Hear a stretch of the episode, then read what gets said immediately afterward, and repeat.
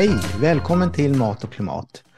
Idag så ska vi tala med Janine Okife som eh, eh, många känner till som aktivist i olika sammanhang. Och innan jag presenterar Janine och innan hon presenterar sig själv så vill jag bara säga att prenumerera gärna på den här kanalen, det kostar ingenting. Vår Youtube-kanal, eh, vi försöker nå 200 prenumeranter så fort som möjligt så att de här videos blir sedda av så många som möjligt. Och eh, gå också gärna in på Spotify och ge oss eh, fem stjärnor där, om vi är värda det. Så Janine, eh, du kan väl först berätta lite grann om vem du är och vilka organisationer du jobbar med. Och hej, tack. Tack Stefan. Okej, okay, så jag är född Australien och svensk. Och um, ah, jag är ingenjör som grunden, så tekniker och väldigt mycket matematisk och fys fysik har jag läst. Och då har jag också MBA, Master of Business Administration. Och därifrån i 2017 började jag inse om klimatet. Så sedan dess har jag blivit en eh, medlem i Klimatriksdagen, Klimataktion, eh, Klimat Sverige och Fridays for Future, eh, Extinction Rebellion, Mamma Rebellion har jag deltagit med. Um, inte så mycket Papa Rebellion som stöd, men School Strike for Climate har jag blivit stöd till. Och Scientist Rebellion. Och Återställ vårt mark, Last Generation, mm. har jag också deltagit i. Så du gör det här på heltid, måste man väl säga, mer än heltid vad jag har uppfattat det som, att du lägger nog ner mycket mer än 40 timmar i veckan på att kämpa för klimatet på de här sätten. Ja, det gör jag. Och jag också är det um, styrelsen med, med Klimatallians. Ja, och där har vi då för total transparens så sitter både Janine och jag, vi är båda ledamöter i Klimatalliansens styrelse. Men i det här samtalet så har vi inte med oss de rollerna alls, utan jag bara mat och klimat och Janine är bara aktiv i de här andra organisationerna. Okej, okay. Eh, jag tänkte vi skulle fokusera lite på Fridays for Future och eh, Scientist Rebellion. Och Fridays for Future eh, började ju, det kom ju svallvågorna på, på Gretas demonstrationer. Kan du berätta lite grann om hur den organisationen växte fram? Hur, hur... Okej, okay, jag hör det lite dåligt just nu så vi kanske... Hör du mig dåligt? Ska lite grann, du, du struttar lite grann. Så det är här, viktigt att vi här om löser är... den problem. Ja. Då tänkte jag fråga eh, Janine, eh, kan du berätta lite grann om Fridays for Future, hur den organisationen växte fram eh, 2018 och framåt? Okej, okay, så första tre veckor var Greta Strike for Climate varje dag, 8 till 3, eh, sko skoltider helt enkelt. Och um, genom att det var strejk blev jag totalt fascinerad. För jag är född i en land som använder strejk väldigt mycket. Särskilt Melbourne är en strejkstad. Det är mer som Göteborg istället för Stockholm kan man säga. Australien ja. Ja. Mm. Och um, ja, så, så jag gick med och tittade för jag hade jobbat med klimatriksdagen och klimataktion och inte sett stort reaktion från politikerna eller media och var väldigt besviken med den process. Så för mig strejk kanske hade en chans. Och bakom mig en bild på en, um, eh, en eh, vad heter det, stenmyrare eller stonemason. Och det var första strejk i Australien i 1850 någon gång som faktiskt vunnit uh, att ha åtta timmars dag åtta timmar arbete, åtta timmar so äh, lek och åtta timmar sov. Fem, mm. 40 timmar om veckans arbete. Och, för, och den 888 började i Melbourne. Så det, det är en, en stark koppling för mig att um, Ja, och det som eh, sen blev då de, den svenska fackföreningens krav och över hela världen faktiskt. Åtta Precis. timmar arbetsdag. Det var 30 personer som gick ut i strejk i första dagen. Mm. Och inom tre månader hade de vunnit sin krav. Mm. Och um, det är helt fantastiskt att, uh, den, den funkade, kopplad, kopplad till 150 år sedan och förstår hur det gick till och hur, hur, hur det skulle gå till för klimatet. Så för mig var det ett stort hopp att använda ordet strejk. Mm. Så jag hoppade på och hjälpte och stödjer Greta så mycket jag kan med hennes skolstrejk. Och efter tre veckor lovade hon att göra varje fredag. Och det var everybody welcome, everybody needed. Och då var jag, okej, okay, det är inte bara ungar, det är inte bara skolstrejkerna, nu är det alla. Så vi byggde Fridays for Future därifrån. Och först, först var det liksom typiskt lokalt. Men jag är, in, jag är ingenjör med uh, elektronik och för mig internet och webbsidor är ganska naturligt att använda det. Och det börjar, folk börjar dyka upp här och där och säga ska vi göra den här eller ska vi göra den där? Och då börjar vi bara pussla ihop. För mig, vad jag gjorde då, är det, gjorde ett, um, varje vecka gick jag hem efter strejken och även under första tre veckor gjorde jag en koll på finns det hashtag skolstrike for climate i Twitter eller i Facebook eller vilken plattform som helst. Och varje gång jag hittade en person som använde den hashtag eller klimatstrejk, jag hälsade och efter två, tre veckor skulle de hälsa tillbaka. Det tog dem lite tid att börja lita på mig. Och långsamt byggde vi upp grupper runt hela, hela Sverige. Som första stor strejk i Sverige den 30 november hade vi 113 platser, eh, lilla städer överallt. Och um, det var så vackert. Men med den processen blev det collabor collaboration, kollaboration mellan befintligt organisation. Samarbete, ja. Samarbete, tack. Mm. Um, med en befintlig organisation. Typ exempel var Klimatalarm. De var i Frankrike och um, i Belgien mest. Och Belgien hade satt igång 240 skolstrejk faktiskt. Eller eh, deras skolstrejk var inte hela dagen, men de skulle gå utan, utomhus framför sin skola och ta en bild av att nu, nu slutar vi vara eh, studenter och vi gör en bild som, och den fotograf skulle skicka till ambassadören till IPCC i, i, i Polen den 30 november 2018. Mm. Okay. det såklart Gretas otroligt förmåga att skriva fantastiskt tal. Mm. Var liksom, det, det, det, är många faktorer som var inblandade här. Men mm. ett litet exempel var hon och jag satt ner för um, några minuter för tre lilla videor som var tre minuter lång var och skickade dem till Australien och därifrån blev en Australiengrupp uppväxt. Och de var 15 000 personer som strejkade 30 november och världen var chockad och det var så många. Och de skrek. De skrek högt. Nu är vi inne på 30 november 2018 och Greta ja. satte sig utanför riksdagen i augusti 2018. Och så vi talar om en ganska kort tidsperiod här som eh, Greta fick uppmärksamhet och, och det här eh, som hände då i Australien, det, det är direkt kopplat till, till dig naturligtvis. Och de här manifestationerna spreds ju i Europa och sen så eh, spred de sig också till eh, USA och Asien och Afrika och så vidare. Hur gick det till egentligen? Var det att, att eh, vad var var det bara att folk kopierade runt om, ungdomar och även vuxna runt om i landet, eller fick de någon hjälp på traven så att de kom till skott att organisera sig? Jo, det är ungefär 200 eller 200, mer än 200 länder inblandade. Mm. Och um, det först var, som du säger, att vi använde sociala medier, fått kontakt och skapa små lilla grupper som skulle chatta och börja som, formulera hur vi skulle jobba ihop. Vi började få göra möte klockan sju varje söndag kväll um, för att samla in folk. Och... Talar du om ett typ Zoom-möte då, där man eh, pratar ihop sig? Ja.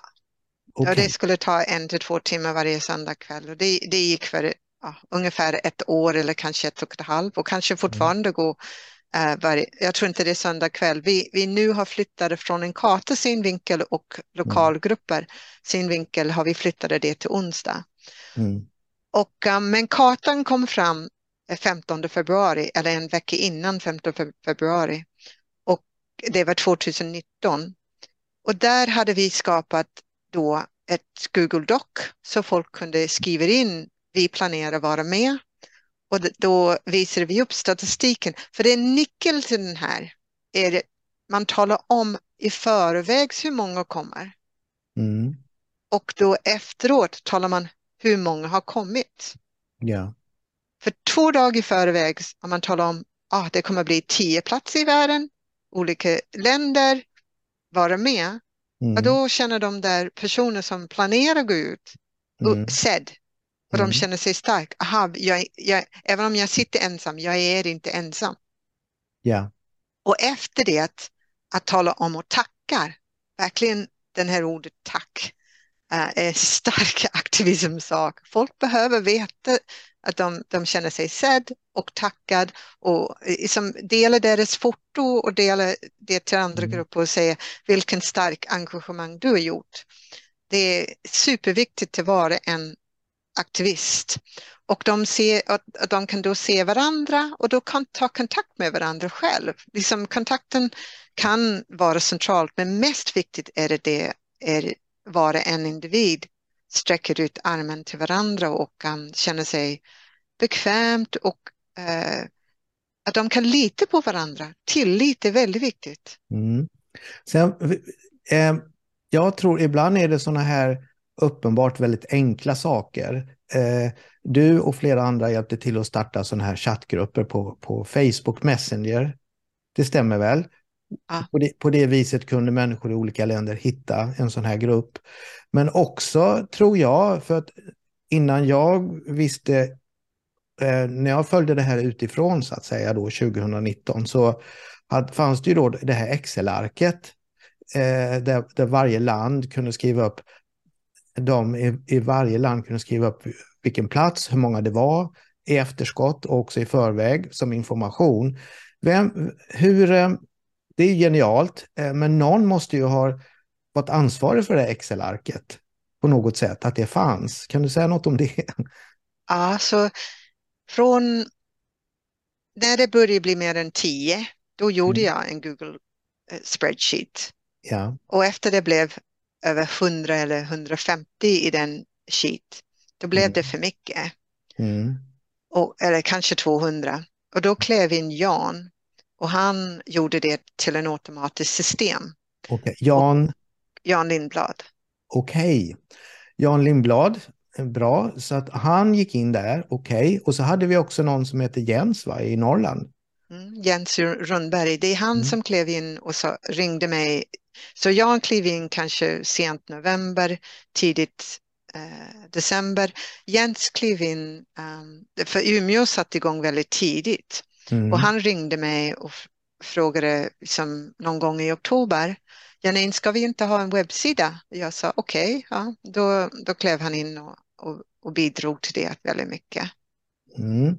Så att ofta är det ju det här att, att sätta bollen i rullning, som det heter på svenska. Och, och det, det var ju där er roll blev, blev eh, väldigt betydelsefull för att de här ringarna på vattnet, de här processerna ute i världen skulle komma igång ordentligt. Så uppfattar jag det. Kan man säga så? Ja, och det är egentligen, för igen, Fridays for Future är de, alla är välkommen. Ja. Och School Strive for Climate stödjer vi oändligt och så mycket vi kan. Mm. Så det skulle rulla på. Så School Strive for Climate är mera fokuserad, eller Global um, Climate Strike nu heter det, två till tre gånger om år är fokuserad. Nästa är 15 september, den kommer snart. Och um, det är viktigt att stödja den processen för den har väldigt mycket organisering runt sig.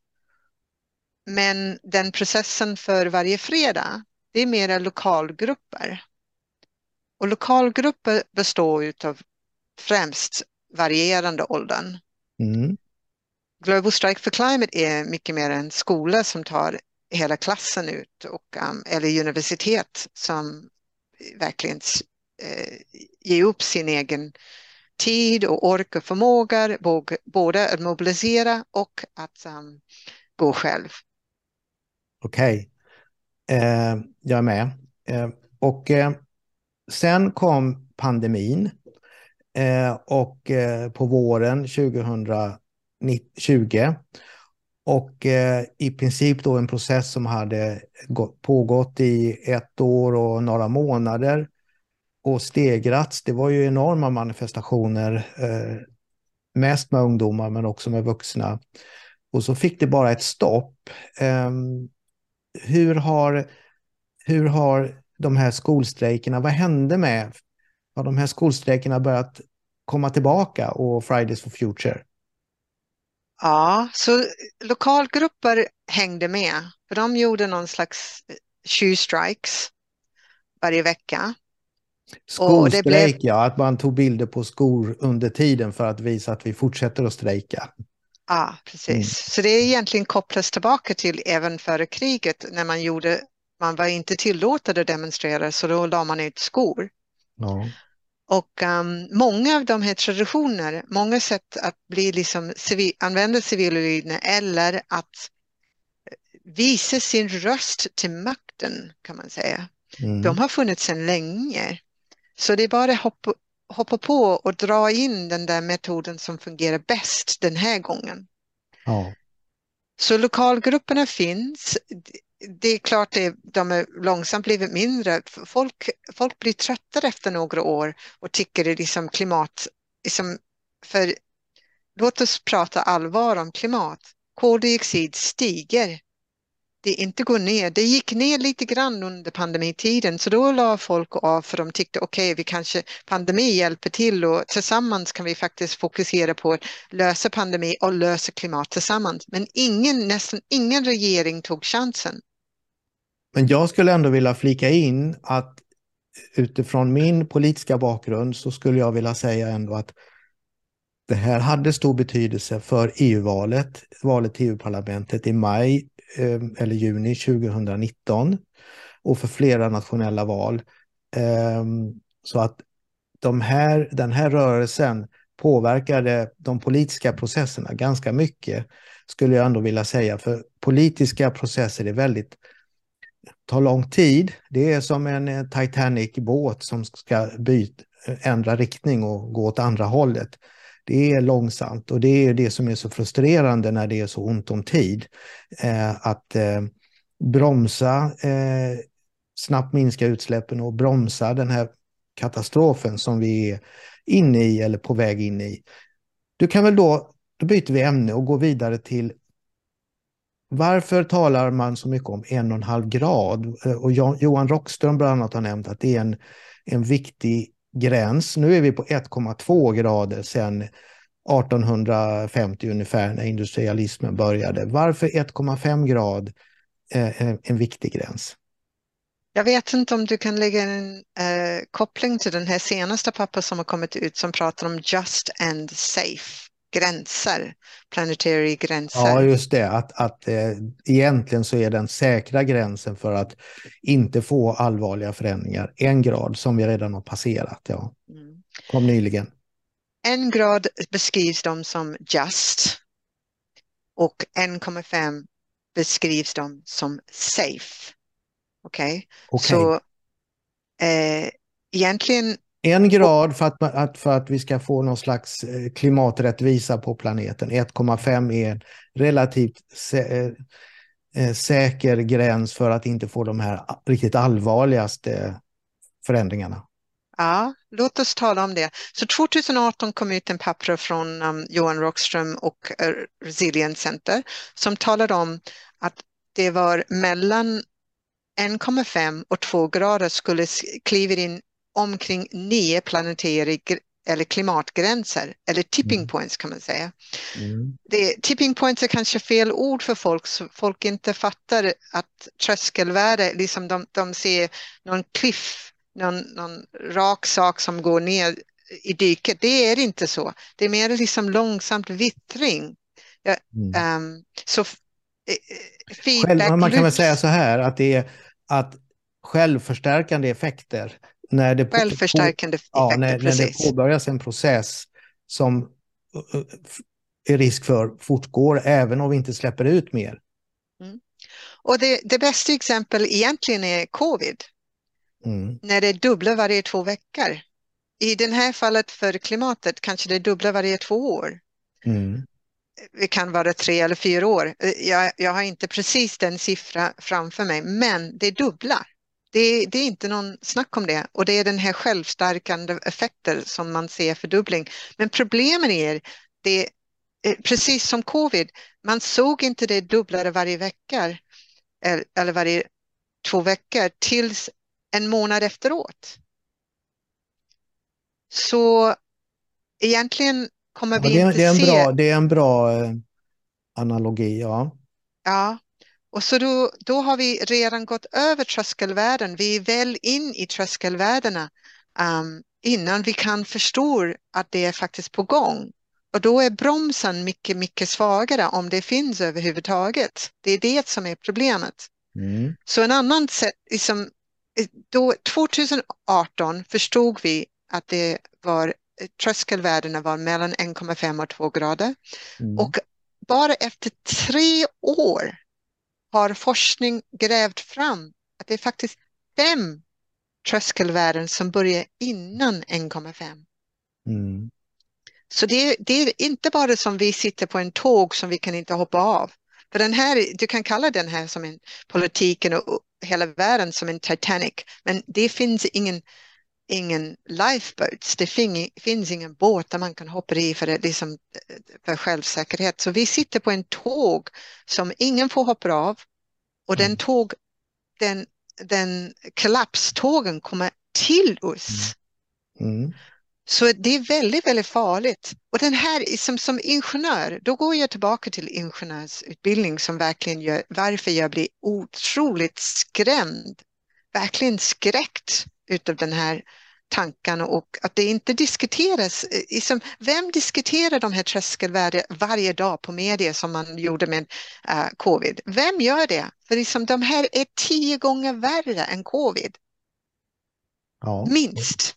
Och um, egentligen så jag, jag blir, eh, mitt aktivisthjärtat eller mitt ingenjör, ingenjörskunskap kommer in och säger, aha, så jag får inte bygga en bro över vattnet som har chansen att den, om jag bygger en bro, jag måste ha ett säkerhetsvärde som mindre än en procents risk att det skulle falla sönder.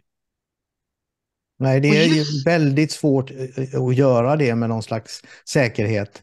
Väldigt mycket planering av samhället är ju är stora frågetecken för. Eh, och, och jag tänkte bara... Men låt mig göra klart, ja. ursäkta mig. Så eh, vi håller på med experimentera med det byggda samhället som har väldigt, väldigt hög risk, risk för kollaps bara från naturlag. Mm. Precis som naturlag gravitation skulle dra ner den här bron. Vi har naturlag eh, för hur, hur mycket klimatförstöring vi gör. Och det, det tillåts att bli os, otroligt högvärde. I, inte i närheten av mindre än en procent som det skulle kräva för att jag skulle bygga en bro.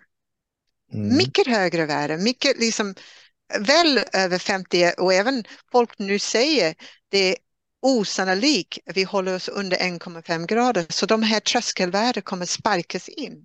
Mm. Och som Johan Rockström säger, det är inte någon target, det är inte någon, eh, någon 1,5 är inte bra om vi planerar till. 1,5 är en gräns. Vi måste se det som en, en stopp. Mm. Och just nu chansen att stanna under 1,5 är osannolik. Det är väldigt skrämmande. Mm. Så situationen är väldigt allvarlig och ehm, eh, vi kan förvänta oss eh, oavsett, även om de politiska eh, systemen lyckas få ner utsläppen snabbt så kommer vi ändå se allvarliga, väldigt allvarliga effekter. Det kan man väl säga är en sammanfattning. Eller man, jag, jag tror det är bättre att faktiskt säga sammanfattningsvis, redan innan en grad har vi sett väldigt stor effekt. Afrika har haft decennier av um, effekt på grund av vårt mm. utsläpp, särskilt Europa, USA och de rika länderna, Australien. Mm. Så Afrika eh, drabb, har drabbat för decennier och senaste år i Bangladesh och Pakistan. Bangladesh hade 6 miljoner personer eh, drabbade av översvämningar för flera månader och Pakistan hade 33 miljoner personer som var drabbade av översvämningar för minst tre månader. Och eh, låt oss prata om Australien igen om, om du vill. 22 procent av skogen branns upp i ett enda sommar i 2019. Mm. Det, är, det är ofattbart. Och nu är det över hundra bränderna i Kanada. Både, nord, både öst och västsidan brinner samtidigt. Och de här bränderna, de, när jag var ung, i 83, vi blev eh, i, i Melbourne, då var det en brand som var som reste sig 60 kilometer i timmen. Nu reser de här bränderna upp till 250 kilometer i timmen. Det betyder att det, det finns området i Australien och, och, andra länder, många andra länder, man kan inte bo i utan att veta att det kommer bli bränder inom fem till tio år och då måste man ta, springa för livet. Mm. Eh, Janine, jättebra målande beskrivning av vad som redan händer och har hänt. Eh, så att om vi nu ser, om vi nu går över till aktivism och fredlig civil olydnad. Eh, varför är den en nödvändig del av den demokratiska processen för att få till eh, den här eh, de här viktiga politiska besluten, att minska utsläppen snabbt? Jag gärna vill gå in på den ämnet, men precis innan vi går in för den, jag vill tala om för folk och lägga en länk till en samling av ungefär sju högst uppsatt um, ehm, IPCC-forskare mm. som har beskrivit att världen, samhället kommer kollapsa innan 2100 om vi inte drar till bromsen. Och e-, egentligen en väldigt, väldigt välkänd eh, forskare, han beskriver fyra grader som vi, vi är på väg till tre, men vi, vi förmodligen, om vi hit, kommer till tre, vi har ingen bromsa för fyra. Han beskriver att folk börjar diskutera vad kan vi göra när vi lever vid tre eller fyra grader och han säger frågan är hur många folk kom, kommer kunna klara sig i världen vid tre eller fyra grader och han säger han tror på 10 000 personer i, i arktisk eller antarktisk. Han, han säger inte det 10 miljoner, han säger inte en miljon, han säger inte ens 100 miljoner. Så för mig, jag är skrämd utav idén. Vi måste, även om mänskligheten överlever och det, det, det är frå, civilisationen frågesätter många forskare nu. Att civilisationen kommer att överleva. Men viktigaste för mig är, tycker vi det, det vi som vuxen är okej okay att göra saker så vi måste krympa från 8 miljarder till en miljard även. Det är helvete för mig att krympa till eh, jag kommer, min, min rötter är irländsk, mitt efternamn är O'Keefe och um, Irland inom några decennier krympte från 9 miljoner till 4,5 miljoner genom dödlighet och fly, bortflyttning. Och kom ihåg, man kan inte flytta från jorden. Det finns ingen sätt så en 100 miljoner kan komma till Mars. Det, det går inte. Liksom. Så det, titta på faminen i, i Irland, titta vad händer, och titta på den där eländiga hat som finns kvar. Mm. När det gäller Irland så, så talar de om hungersnöden och folk, folkflyttningen till Precis. USA. USA har en väldigt stor del av sin befolkning som har sina rötter på Irland. Ah. Eh, och vad, vad, du säger är att jag har själv sett en bild på, på hur det skulle se ut på jorden vid fyra grader. Och då talar vi om alltså att, eh, för att eh, göra det lite mer konkret, eh, stora delar av Latinamerika och Afrika eh, kommer inte att ha någon befolkning för att det är så torrt, bland annat. Och eh, detsamma gäller då naturligtvis stora delar av Asien. Vi talar kanske om eh, nästan hela Spanien, Portugal, eh, delar av Italien kommer att vara nästan omöjliga att leva på. Och vi talar om, i, det enda hoppfulla jag kan se är att det kommer att bli beboeligt eh, för hundratals miljoner, kanske miljarder människor på Grönland, vid Arktis. Eh, Sverige, Norge, Finland kommer få se en migration som handlar om att vi kommer få befolkningen kanske bli fem, tio gånger så stor och så vidare. Det är effekten av om vi skulle hamna så långt som 4 grader. Så uppfattar jag det. Och det är ju en väldigt skrämmande utveckling och väldigt många människor, enorma, men, enormt många kommer att dö naturligtvis och tvingas flytta. Och, men kom då, ihåg att forskarna faktiskt pratar inte om en miljard, de pratar mer om 10 000 eller 50 000. Okej? Okay? Och då är det ju jätteviktigt att eh, inge lite hopp också, därför att eh, det finns ju alltid hopp, även om situationen är väldigt, väldigt allvarlig och eh, skrämmande. Och Janine, fredlig civil olydnad, vi ser allt mer av det nu. Och eh, kan du förklara vad som är skälet till det och vad den har för roll att spela? Ja, absolut. Och det tycker jag är, ger väldigt, väldigt mycket hopp. Det är inte bara det. Nyckeln för mig med fredlig eller icke-våld civil olydnad är att det krävs mod. Och den mod ser jag från den där personen som vågar göra det. Och den ger mig jättehopp. Den, att jag, empati kopplar mig till deras mod. Och jag tror många gör det. Och man måste tänka efter, vad har hänt i, framtid, eller i, i historien med eh, icke-våld, civil olydnad? Hur skapade vi um, suffrage eller röst för män? Och hur skapade vi röst, kvinnor rösträtt? Hur skapade vi civil, civil rights och eh, rösträtt för alla, kan man säga? Och hur skapade vi gay rights, folk som, eh, som vill erkänna att de inte, de, de ah, folk som har annorlunda eh, nu, nu ramlar jag på, på svenska. För mig är det liksom folk som vill gärna eh, se att sitt liv är vettigt att leva. Alla mm. minoriteter måste ha en chans att få eh, sina villkor att kunna leva sitt liv, särskilt privat, men även i, i, i stora grupper, liksom, även i samhället. Liksom, urfolk är en annat exempel.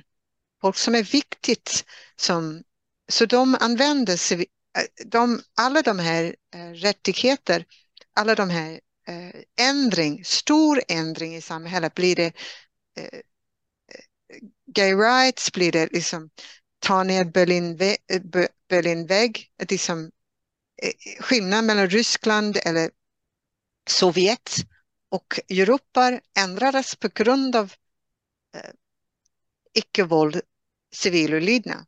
Så icke-våld, civil olydnad är faktiskt en demokratisk process.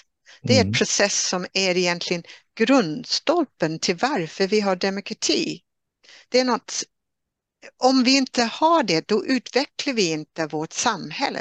Samhället stagnerar kan man säga. Man kan väl säga att de flesta väldigt omvälvande eh, processer har föregåtts eh, av sådana här eh, civil olydnad och har, det har varit en del i processen. Och som du sa, vi har USA, eh, rösträtt för alla, först kvinnor, sen människor som inte var vita. Ehm, det var eh, ingen självklarhet då. Det började med sånt här och det var ju inte så att det, var, att det fick effekt på en gång utan det, det var just det här att man fortsatte och så småningom så blev uppmärksamheten så stor så att de politiska förändringarna kom. Eh, och eh, du nämnde ett antal exempel. Om vi tittar på civil olydnad, fredlig civil olydnad, så kan, tycker jag man kan se redan ett väldigt konkret exempel. Återställ våtmarker till exempel. Mm. Nästan inga människor visste vad våtmarker var, varför de var viktiga. Men nu vet man det och, och politiken talar också mycket om våtmarker som en del i att minska utsläppen, som en symbol nästan för alla utsläpp. Mm. Egentligen våtmarker är superviktigt från, en, eh, från flera synvinkel, men ett, ett väldigt viktigt är det, det, drar, det är en väldigt bra källa att ta ut koldioxid. Så om, nu har vi överstigit en grad som är egentligen att vara schysst till framtiden eller vara schysst. Egentligen jag tror även en grad är för högt för att vara schysst till Afrika. Um, och just nu är forskningen väldigt tydligt att vi som människor idag kan inte bjuda lika, lika liv till framtiden. Så vi är oschysst i generationsöverskick. För vi har eh, 1,2 grader är oschysst till framtiden kan man säga. Och det, den här eh, faktorn av hur man är schysst eller inte är väldigt, väldigt viktigt. Hur man tar, tar hand om eller förbereder och det är i vårt eh, konstitutionen, vårt grundlag, svenska grundlag, kapital 1, paragraf 2, klaus 3 säger vi ska faktiskt ge eh, ett beboeligt planet till alla. Så att eh, regeringen inte gör det är otroligt. Liksom det är skrämmande, det är chockande. liksom det, varför kan ni inte även ta hand om vårt grundlag? Så att då att domstolen kommer in, eller polisen, eh, eh, processen startar med polisen, men i alla fall åtal, folk blir åtalade för sabotage är hemskt. Vi har eh, här i Sverige, repression eller förtryck på klimat aktivister är väldigt hög runt världen. Man ser det i eh, Storbritannien, man ser det i Tyskland, man ser det i Australien, man ser det också här i Sverige.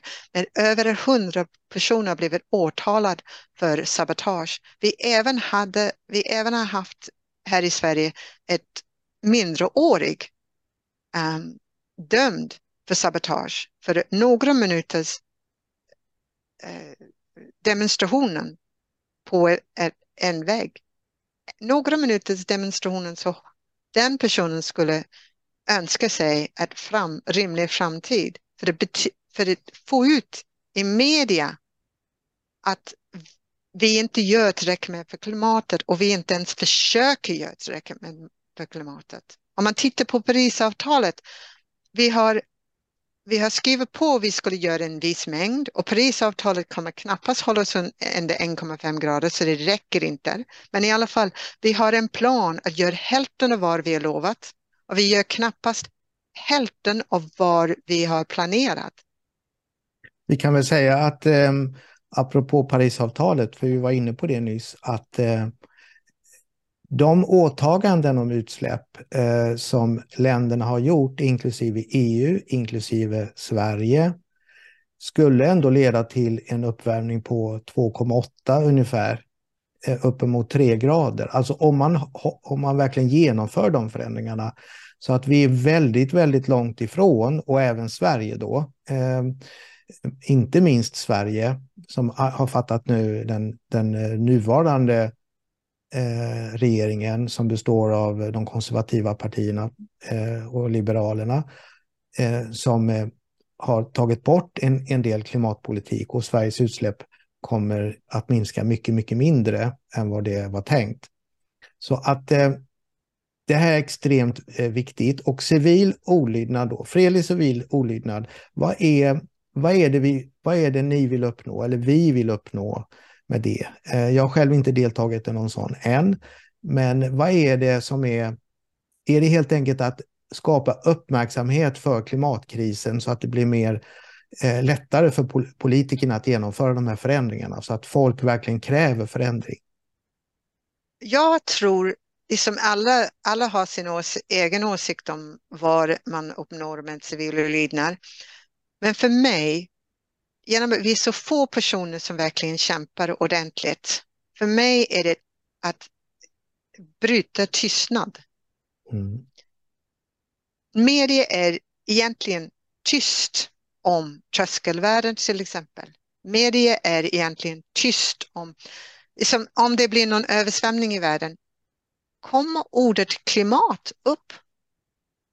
Och idag även i, i um, radiorapporten, två personer har, har blivit skjutet, miljö eller klimataktivister var skjutet i Sydamerika och den kom upp i tidning, i radion. Och um, samtidigt har Zlatan lagt av och gått i pension. Vilken tog mest tid i vårt mm. radiotid? Mm. Liksom, uh, ja, ty, kanske... ty, tydligt exempel på prioritering av media. Eh, och eh, det är väldigt tråkigt att det är så. Men som sagt, ni som, för att sammanfatta lite, vi går till slutet på vårt samtal, så att delta i fredlig civil olydnad innebär väl att man då man tar de konsekvenserna som eh, till exempel någon form av bestraffning eller någon form av konsekvens. Det är en del av det här så att det inte, handlar inte frågan om att smita undan som, och göra något, något som inte är fullt lagligt och sen smita undan utan ni verkligen gör det här helt öppet, tar de konsekvenserna av fredlig civil olydnad, orimligt hårda konsekvenser från polisen tycker jag. Men samtidigt så skapar det ju mer uppmärksamhet också för, för de här frågorna. Så att, mm, Absolut. Så att, och även, även FN har tydligt talat om att civilsamhället och civil olydnad är den, den enda motor som kan göra tillräckligt med ändring. Och, um, så de har rekommendationer att man ska aldrig lägga ett climate rättvis aktivist i fängelse. Man ska aldrig åtala dem för sabotage. Man ska aldrig åtala dem för uh, treason och sedition. För det är inte deras mål. Och även igår när som vi, vi har ett samhälle som inte vill tala om hur allvarligt det är för folk. Som det är mycket, mycket hopp. Det är mycket man kan göra. Mm. Även att återställa vårt märke skulle faktiskt dra ned lika mycket koldioxid varje år som vi utsläpper med bilar. Bara gör återställa vårt märke och vi är faktiskt eh, lika, mycket, lika bra som att ta bort alla uh, fossilbilar som kanske tar lite längre tid att fixa. Mm. Återställa vårt märke kanske tar ett år att fixa. Att ta bort alla eh, fossilbilar kan ta tre eller fem år. Liksom, så vi, vi accelererar processen genom att göra rätt saker. Och du har rätt, ingen hade återställt vårt mark i munnen utan det. Och även i, i Tyskland med Last Generation, där det är så tydligt att um, det, där påverkar politik med slow walks och um, att, att limma sig fast på gatan. Jag är själv åtalad både här i eh, Sverige på sabotage och i Tyskland. Mm. Och jag ser, liksom, man måste, om du, om du förstår konsekvensen, de som har förståndet har, har skyldighet att regera. Precis, och eh, man kan se fredlig civil olydnad som ett då väldigt viktigt komplement. Den som det är oerhört viktigt att delta i de här vanligaste organisationerna inom miljö och klimat som inte jobbar aktivt med fredlig civil olydnad, alltså som Naturskyddsföreningen, Greenpeace, Världsnaturfonden, Klimataktion, Klimatalliansen och så vidare. Men eh, den här typen av aktivism, civil olydnad, är ett komplement som lyfter frågan på ett helt annat sätt än vad de vanliga organisationerna kan göra. Så att Så att, ehm, och en fråga som jag gärna vill adressera direkt, eh, det är just det här att jo, men folk blir irriterade på de här manifestationerna. Ja, det, det kan nog vara så, men det är inte det som är huvudpoängen, att ni ska bli populära. Eh, utan huvudpoängen är att frågan ska bli så exponerad så att eh, vi pratar mycket mer om det och får till politisk förändring. Absolut. Se det mer som en pianot. Och en tangent är återställa vårt mark, en annan tangent är Fridays for Future, en till tangent är Scientist Rebellion, en till tangent är uh, fonderna eller Greenpeace eller eh, Naturskyddsförening. Och en till tangent är faktiskt klimatriksdagen och klimatallians. Och spela, du spelar din piano och jag spelar min piano. Om vi kan spela det så det går i harmoni, då hörs vi så mycket bättre. Mm. Så det är, det är gärna jag att vi samarbetar, men det är inte du som bestämmer över mitt, eh, min piano och vad jag spelar och det är inte jag som bestämmer över din. Så att uppmaningen från mig och nog också från Janine är att engagera dig på något sätt. Engagera dig i, eh, med fredlig civil olydnad om du känner att du vill, eh, vill göra det. Och eh, jag kommer att lägga här nere länkar till Extension Rebellion och Återställ våtmarker. Eller engagera dig i någon av de andra organisationerna som vi nämnde här. Eller gå in i ett politiskt parti och försök förändra därifrån. Det viktigaste är att, att man försöker göra någonting. Och eh, för att det finns forskning som visar att om, om ungefär 3,5-4 procent av medborgarna i ett land verkligen börjar agera en fråga. Det såg vi när, såg vi när det gällde demokrati, fri, kvinnlig rösträtt och det gäller också de här frågorna. Då får vi också politiska förändringar. Så att eh, eh, som sagt, engagera dig på något sätt i vårt råd härifrån. Tack Stefan. Och Janine, då tackar jag dig och eh, vi återkommer. Vi kommer göra en intervju igen eh, längre fram. Och eh, jag tackar dig som har följt det här eh, samtalet. Och ehm, ehm, du som lyssnar på, den, på det, ge oss gärna fem stjärnor på Spotify eller på Apple Podcast. Och eh, du som ser den på Youtube, prenumerera på kanalen för då är det fler som ser den. Tack för att du var med.